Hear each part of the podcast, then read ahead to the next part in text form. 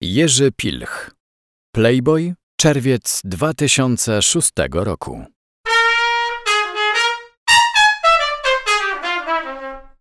Miałem jechać na te mistrzostwa.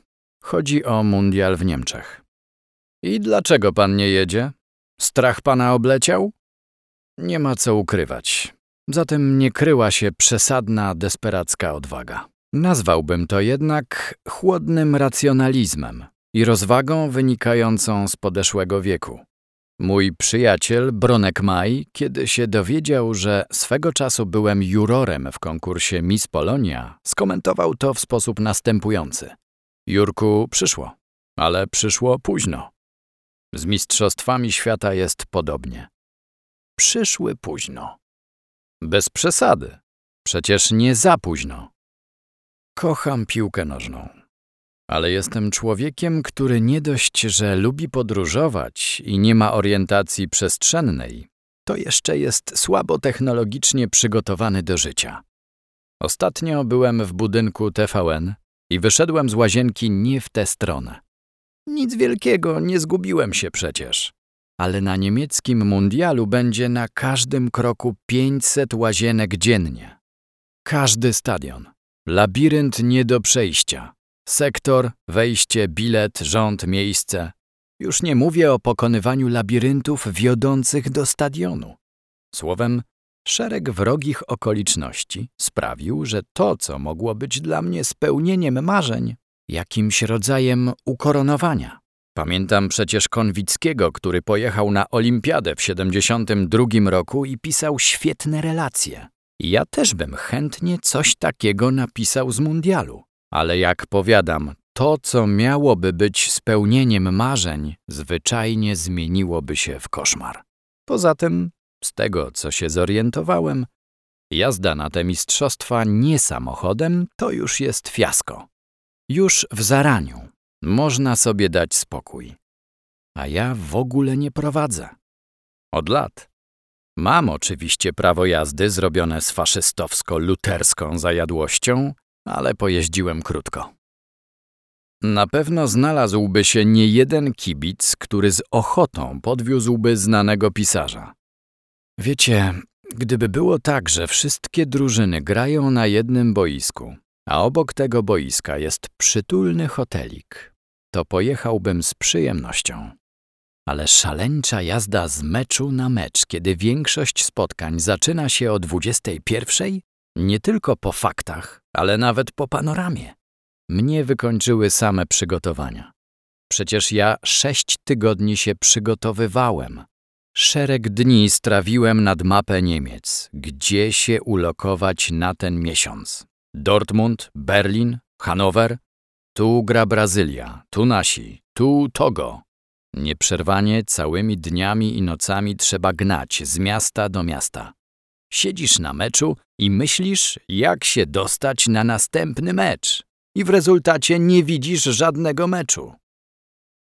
A nie mógł pan przyłączyć się do jakiejś większej dziennikarskiej grupy?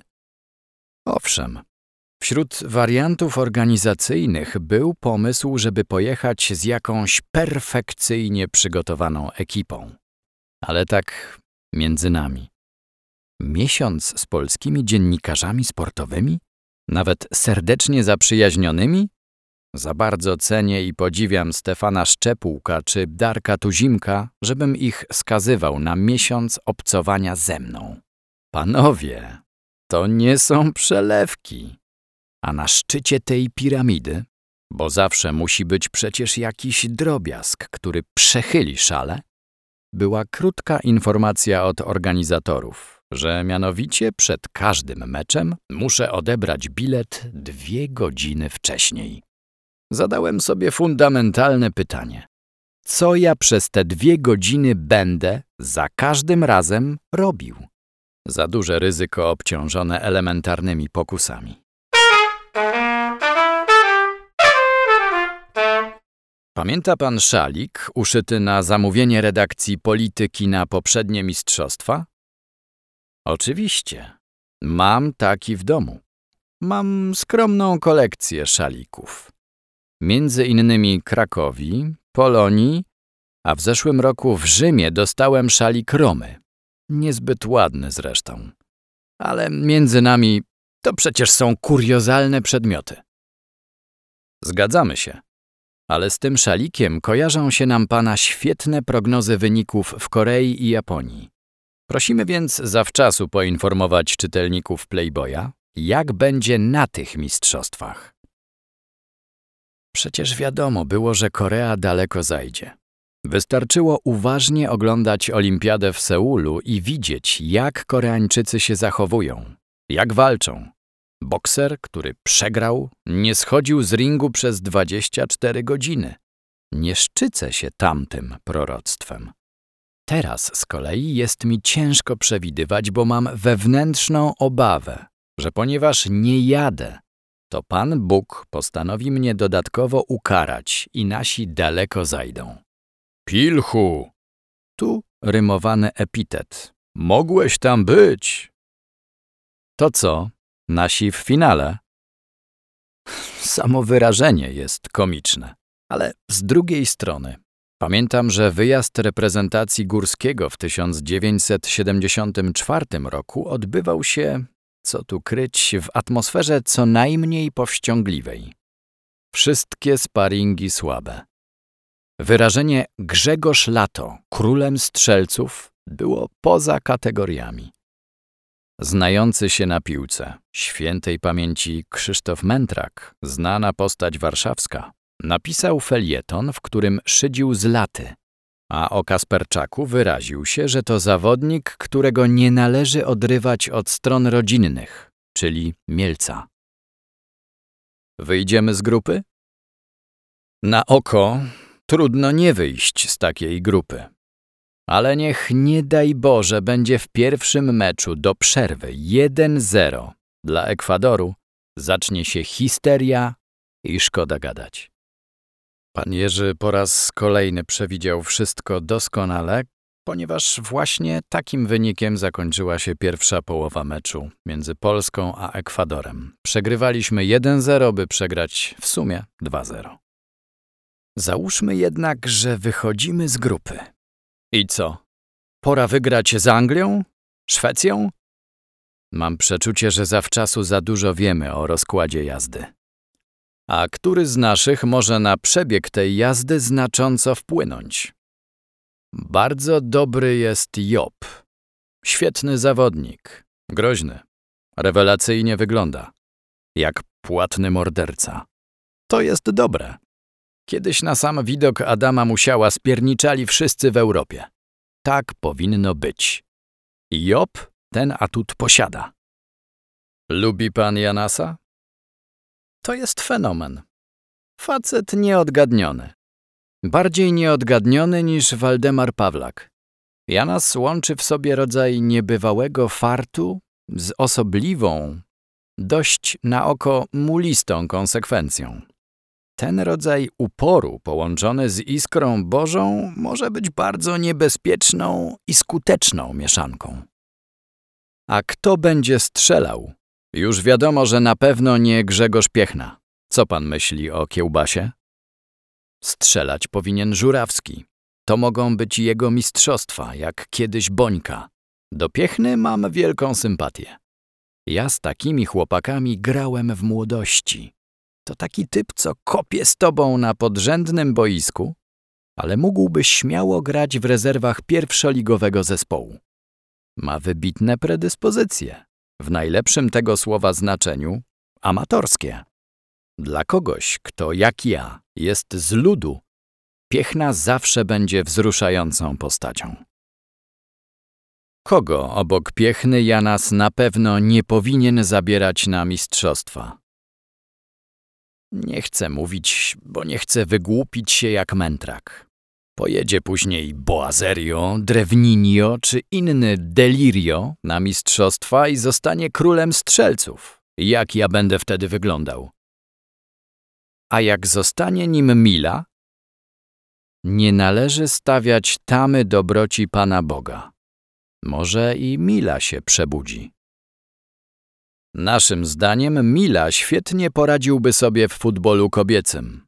Na pewno by się tak często nie przewracał. Nie wiem. Są baby, które świetnie grają. W ogóle popieram damski futbol. One grają jak faceci za dawnych lat. Piłka nożna w sensie motoryki stała się, jak prawie cały sport, dość mordercza. Dzisiejsi piłkarze, nawet ci pośledniejsi, ganiają jak nakręceni przez 90 minut. Dlatego powiadam, kobiecy futbol mnie oczarowuje, bo dziewczyny przypominają mi łagodność dawnej piłki, dawną Brazylię. Obejrzyjcie archiwalne nagrania. Pele idzie piechotą przez pole karne przeciwnika. Drugi powolnym truchtem wychodzi mu na skrzydło. W tej chwili tamta Brazylia zostałaby rozbita przez Lubin. Nie przeszliby połowy. Jakiś czas temu w internecie pojawiło się zdjęcie pod tytułem Marzenie polskiego kibica. Facet siedzi w fotelu. Jedna półnaga pani leje mu piwo do ust, druga nurkuje między nogami. Na ekranie telewizora Niemcy Polska 05. Chciałby pan tak? Wystarczy mi 01. Wie pan, co zrobi polski kibic, gdy nasza reprezentacja wyjdzie z grupy? Nie. Wyłączy PlayStation. Dobre. Zna pan jakiś dowcip piłkarski? Znam, jeden, ale to staroć. Broda jak stąd na stare Wembley. Na ogólnoafrykańskim zlocie szamanów każdy opowiada o największych cudach, jakie widział w Europie.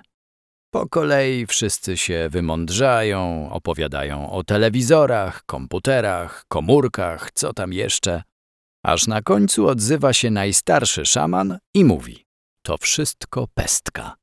Ja byłem w Anglii. Zawieźli mnie tam na plac, wokół którego siedziało chyba sto tysięcy ludzi. Potem zrozumiałem, że nie dziwota.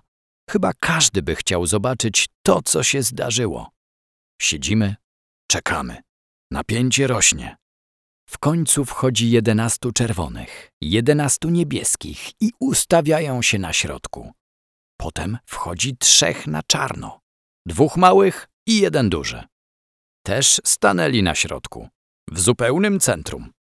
Zapadła chwila absolutnej ciszy. Wszyscy znieruchomieli. Ten duży czarny miał na szyi zawieszony gwizdek. Powoli włożył go do ust. Dalej nic. I nagle, jak gwizdnął, to lunął taki sakramencki deszcz, jakiego w życiu nie widziałem. Myśli pan, że na Mistrzostwach Świata da o sobie znać chuligaństwo polskich kibiców? Nie wydaje mi się. Nasi kibice zachowują się za granicą dużo lepiej niż w Polsce. Nie zdaje mi się, żeby szalikowcy w ogóle za granicę podróżowali. Jakieś małe oddziały, z którymi organizatorzy sobie poradzą. Myślę, że Niemcy są perfekcyjnie przygotowani na te mistrzostwa pod względem bezpieczeństwa i wszelkie chuligańskie wybryki poskromią w zaraniu. A pan kiedyś oberwał na meczu? Bardzo mi przykro, ale aż takich temperatur nie wzbudzam. Poza tym każdy przytomny kibic, który idzie na mecz w celu elementarnym, czyli żeby obejrzeć zawody, wie gdzie siadać. Nikt normalny nie pcha się na żyletę. Od lat kibicuje pan Brazylii i Niemcom. Dlaczego? Brazylii kibicuje jak każdy. Niepodobna nie kibicować Brazylii. A z Niemcami to sam nie do końca wiem skąd się to u mnie wzięło ale mam pewne przypuszczenia. Otóż, jak wiadomo, kibicuję Krakowi. A to jest taki klub, co jak ma awansować, to nie awansuje, a jak ma spaść, to zawsze spadnie. Fatalizm powtarzalny od lat, dziedziczny, można powiedzieć. I prawdopodobnie ja, umęczony tą wielką klęską Krakowi, podświadomie chciałem mieć uciechę i przynajmniej w planie internacjonalistycznym trzymać z takimi, co jak mają wyrównać w ostatniej minucie, to zawsze wyrównają. Dawało mi to jakiś rodzaj spokoju. Do niedawna tak było w każdym razie. Jak jako kibic Krakowi i pośrednio Polonii może pan lubić Legię? To frajerstwo.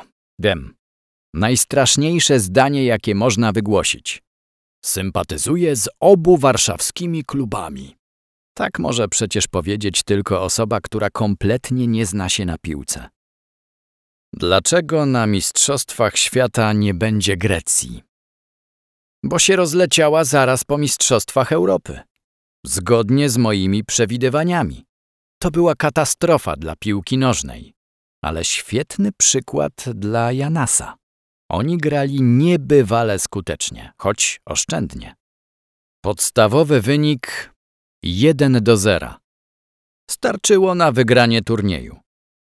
Nawiasem mówiąc, po tym jak wyeliminowali Czechów, napisałem felieton. Grecja musi być zburzona. Jakiś facet przysłał mi list z pytaniem, czy zdaje sobie sprawę, jaka tam jest architektura. Że przecież Akropol i tak dalej. Jak na mistrzostwach wypadną, jak ich określił Jan Nowicki, włoskie pedały.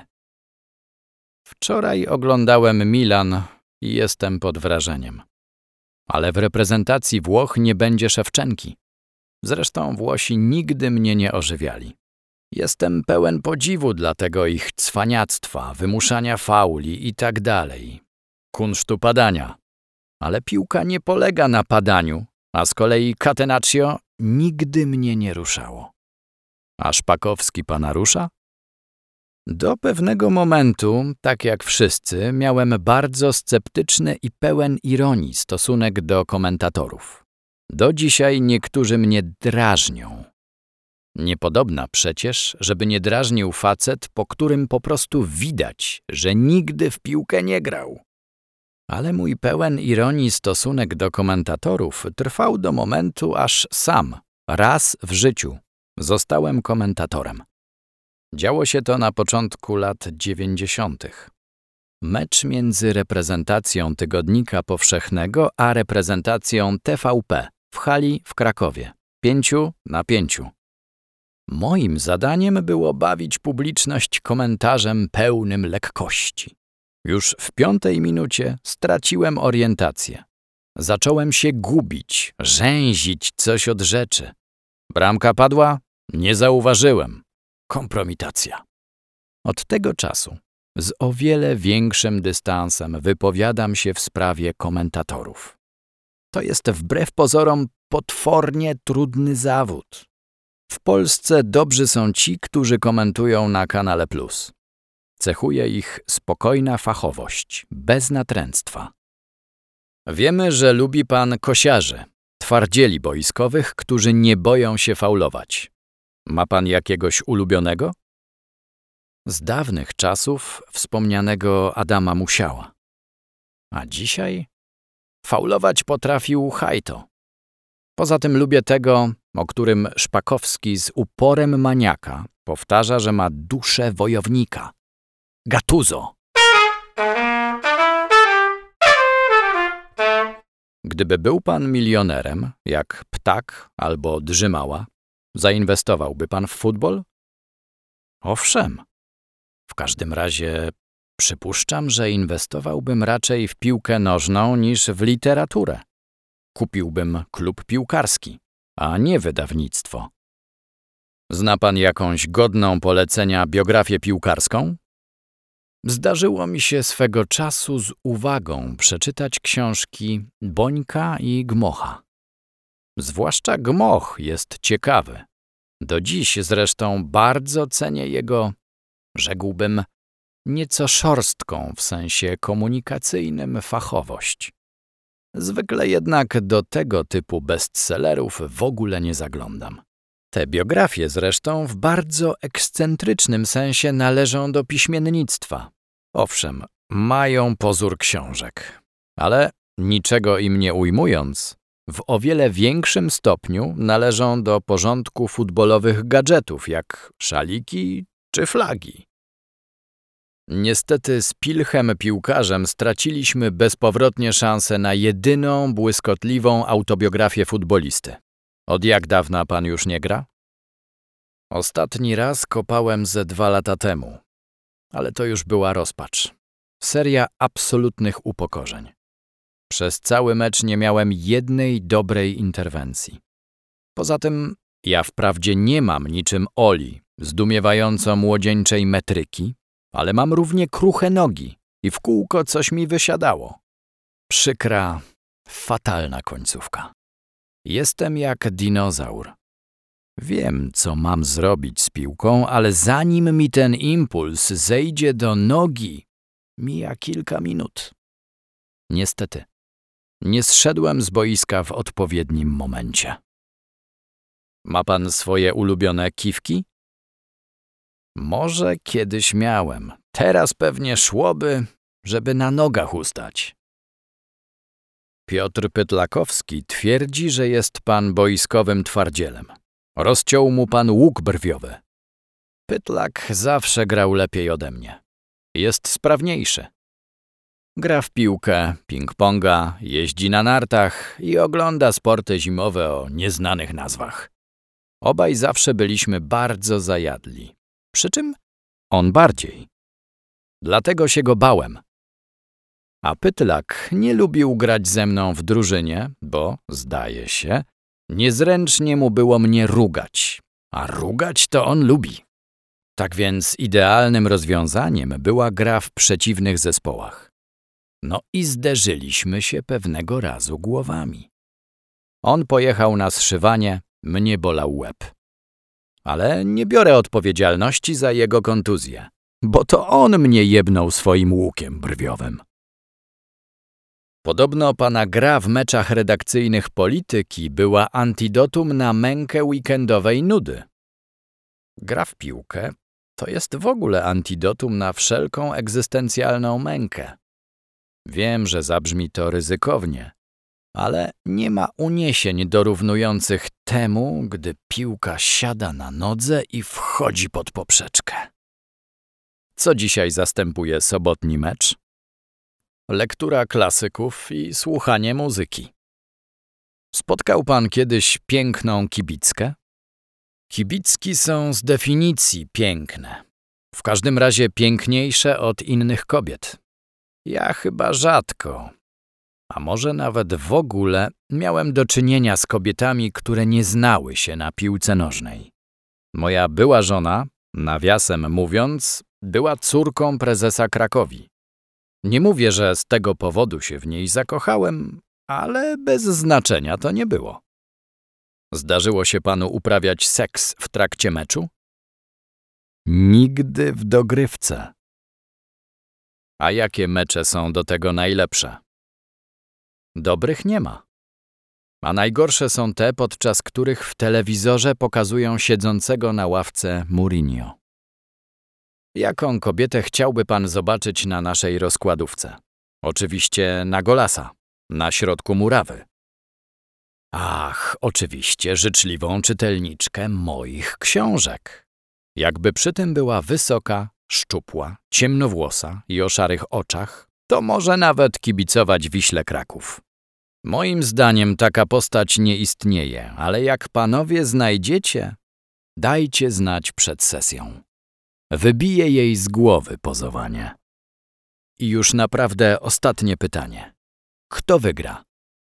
W czwórce będą Niemcy, jak wyjdą z grupy. Brazylia, jakiś potentat typu Włochy i ktoś zupełnie nie do zgadnięcia. Wygra turniej drużyna, która obudzi się na turniej. Może to być jakaś sensacja typu Grecja na Mistrzostwach Europy. Ale w tym roku świat wróci do normy. Wygrają Niemcy. Tym razem pan Jerzy się pomylił. Mistrzami świata zostali Włosi, wicemistrzami świata zostali Francuzi, a Niemcy wylądowali na trzecim miejscu. Za to królem strzelców został nasz Niemiec Mirosław Kloze.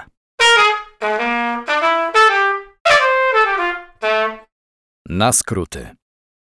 Tezy o głupocie, graniu i życiu. O słynnym tańcu.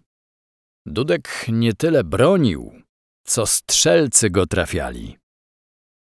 O nominacji. Od Jacka Gmocha dostałem nominację do kategorii Najlepiej piszący o Jacku Gmochu. O Dodzie. Dobrze śpiewa, choć biustem od śpiewu odwraca uwagę. Jak dojdzie do tego, że śpiewem odwróci uwagę od biustu, będzie wielka. O kibickach. Powiem tak.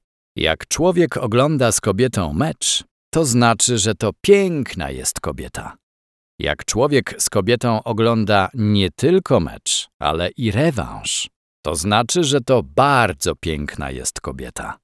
Ale jak człowiek zaczyna z kobietą oglądać cały, dajmy na to, mundial, to znaczy, że trzeba uważać.